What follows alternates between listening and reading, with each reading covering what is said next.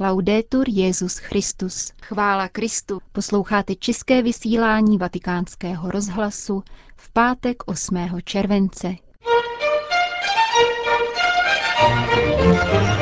V první části pořadu se přeneseme do papežovy letní rezidence v Castel Gandolfo a druhá pak bude věnována pravidelné homílii otce Richarda Čemuse. Pěkný poslech vám dnes přeje Jana Gruberová. Svatý otec včera v podvečer odletěl vrtulníkem vojenského letectva do letního papežského sídla v Castel Gandolfo, kde bude trávit dny letního odpočinku. Po přistání v 17.50 vyšel na balkon papežské rezidence a pozdravil zástup, který jej přišel přivítat.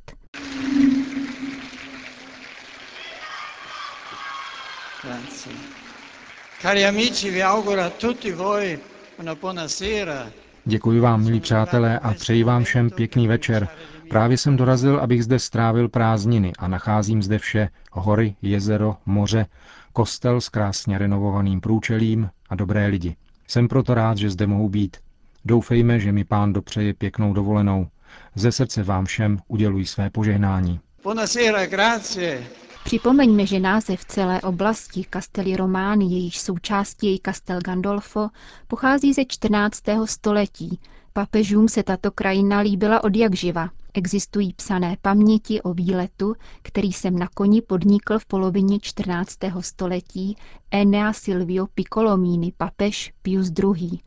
Vstoupil se svým průvodem do městečka a spatřil zříceninu hradu rodu Gandolfi, na níž právě o dvě století později vyrostl papežský palác. Urban VII. roku 1624 pověřil jeho stavbou architekta Karla Madernu, jenž je mimo jiné autorem fasády svatopetrské baziliky. V následujících stoletích doznávala stavba větších či menších změn a modernizací. Za druhé světové války se extrateritoriální status paláce velmi osvědčil. Na příkaz Pia 12. byl palác přeměněn v útočiště uprchlíků skrývajících se před nacisty. Podle amerického rabína Davida Gildalina zde nalezli úkryt minimálně tři tisíce židů, které zpráva paláce ubytovala a poskytovala jim košer stravu. Některým ženám se zde dokonce narodili děti. Jako improvizovaný porodní sál jim posloužily soukromé komnaty Pia 12. Po vylodění spojeneckých vojsk se zase papežská vila stala táborem pro uprchlíky z blízkých vesnic. Byly postaveny polní kuchyně, zřízeno ubytování a mnozí členové švýcarské gardy se účastnili poskytování pomoci. Během jednoho bombardování na neštěstí dopadla bomba i na papežský palác a zapříčinila úmrtí několika evakuovaných. Po osvobození se Pius XII. často do rezidence uchyloval na dlouhé pobyty. Zde též zemřel v říjnu roku 1958, stejně jako jeho bývalý sekretář, pozdější Pavel VI. o 20 let později. Pavel VI. si vytvořil velmi vřelý vztah k místním obyvatelům a zavedl zvyk slavení prvním mše svaté o slavnosti na nebevzetí Pany Marie v barokním kostelíčku svatého Tomáše de Villanova na náměstí městečka Castel Gandolfo. S Janem Pavlem II. se papežská rezidence stala jakýmsi druhým Vatikánem, jak ji sám humorně nazval. Pro Karola Vojtilu byla místem práce i odpočinku. Pozměnil její vzhled vybudováním bazénu, který využíval ze zdravotních důvodů. Přiměl tak americké novináře k riskantnímu přelétání sídla vrtulníkem, aby ulovili snímek koupajícího se papeže. Druhou důležitou změnou pak bylo zpřístupnění papežské vily intelektuálům a novinářům. Papež Jan Pavel II. jsem vždy v srpnu zval na týden či dva vědce, filozofy a teology ke studijnímu setkání. Sportovní temperament blahoslaveného Jana Pavla II. se však projevoval i tím, že si často nazul pohorky a vydával se na výlety do okolní přírody.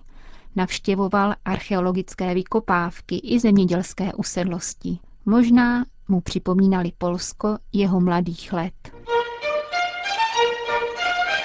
A nyní následuje pravidelná homilie otce Richarda Čemuse. Nazval ji Až procitnu, nasytím se pohledem na tebe.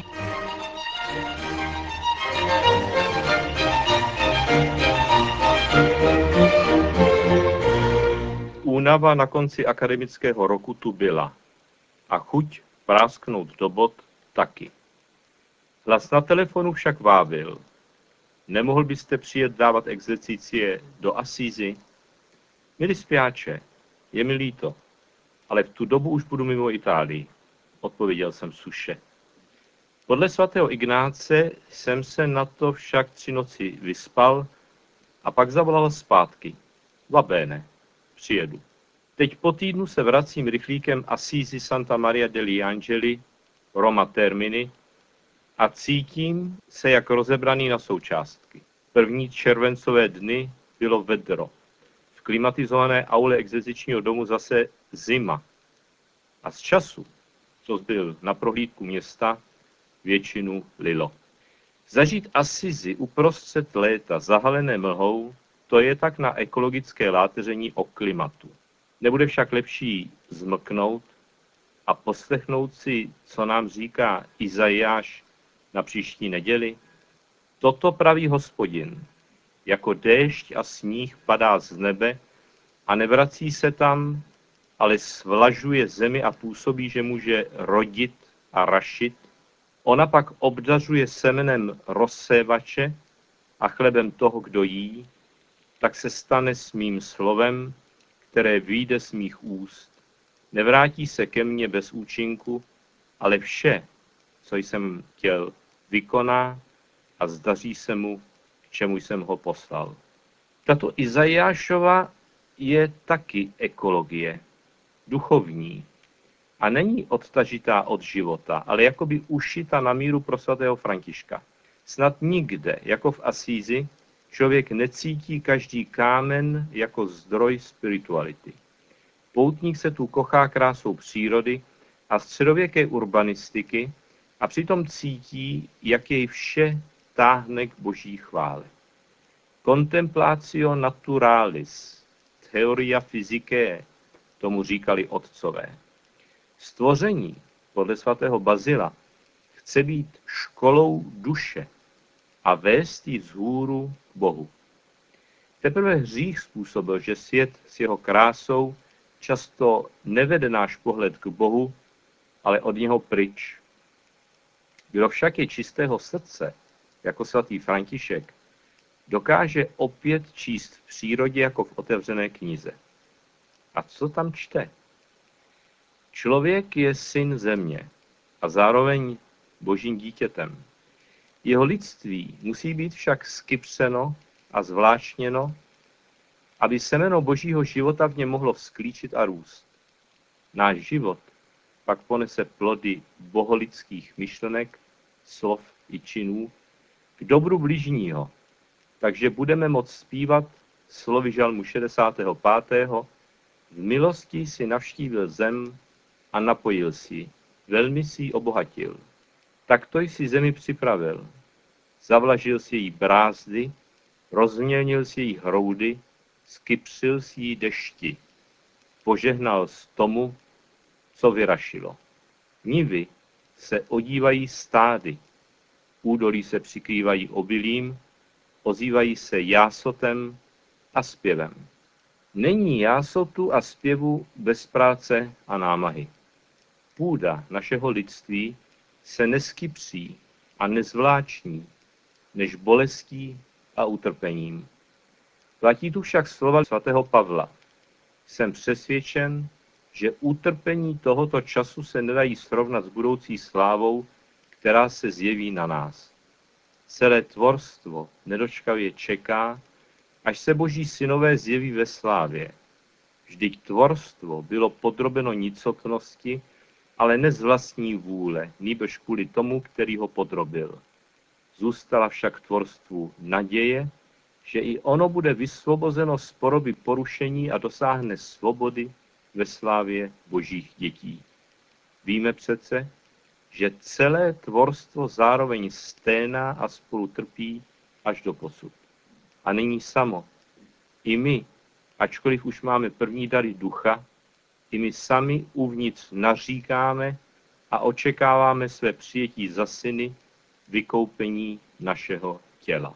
Za branami Asizi v Eremo delle Carceri ukazují křemelák, vetchý, avšak doposud živý strom, na který se slétli ptáci, aby si vyslechli kázání svatého Františka. Zdá se to zbožnou legendou, stejně jako Františkova přísná slova vlkovi, aby už víc neškodil lidem z Gubia. Podobné najdeme už u svatého Autonína Poustevníka, kterého poslouchali šelmy v egyptské poušti, stejně jako u Serafíma Sárovského, kterého v hlubokých ruských lesích chodil navštěvovat medvěd. No a kázání svatého Antonína Paduánského připlavali poslouchat místo liknavých křesťanů mořské ryby. Nejpozději zde nám musí být jasné, že jde o legendy v doslovném smyslu. To, co se má číst. Jsou totiž hluboce teologickým místem, locus theologicus. Svatí jsou boží muži a ženy, ve kterých duch svatý smířil pádem prarodičů zapříčeněné rozdělení mezi Bohem, člověkem a přírodou. Nechali v sobě zvítězit Krista nad hadem, který v nich svým našeptáváním ničil obraz Boží, ke kterému byli stvořeni. Soustavným bojem proti zlým myšlenkám, démonům, obnovili ve vlastním srdci ráj, kterým se podle slov svatého Izáka Syrského prochází sám Bůh, jehož kroky slyší v raním vánku. Zvířata cítí v těchto lidech přítomnost ztraceného ráje, kam i oni se chtějí navrátit.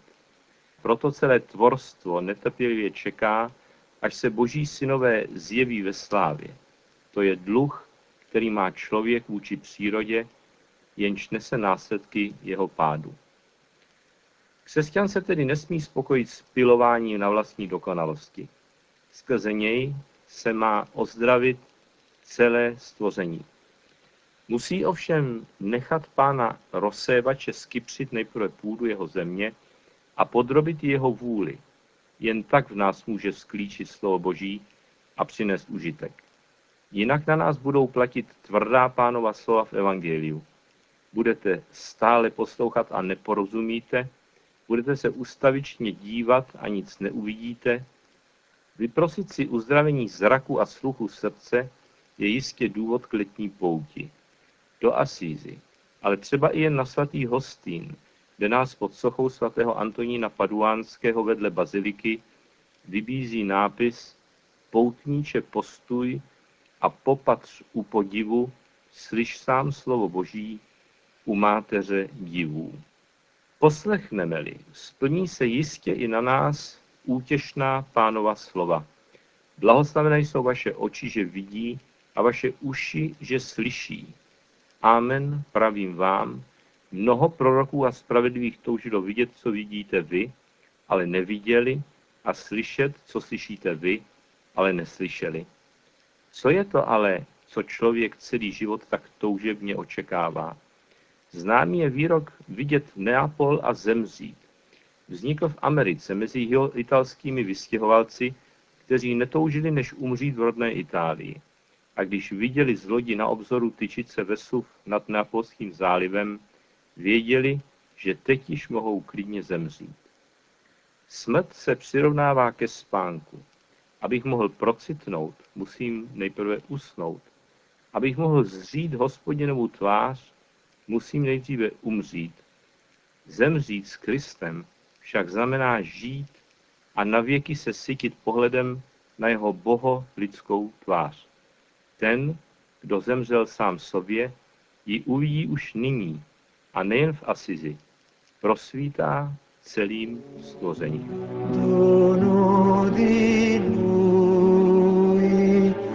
Slyšeli jste pravidelnou homilii otce Richarda Čemuse k následující neděli, kterou jsme také zakončili dnešní vysílání vatikánského rozhlasu.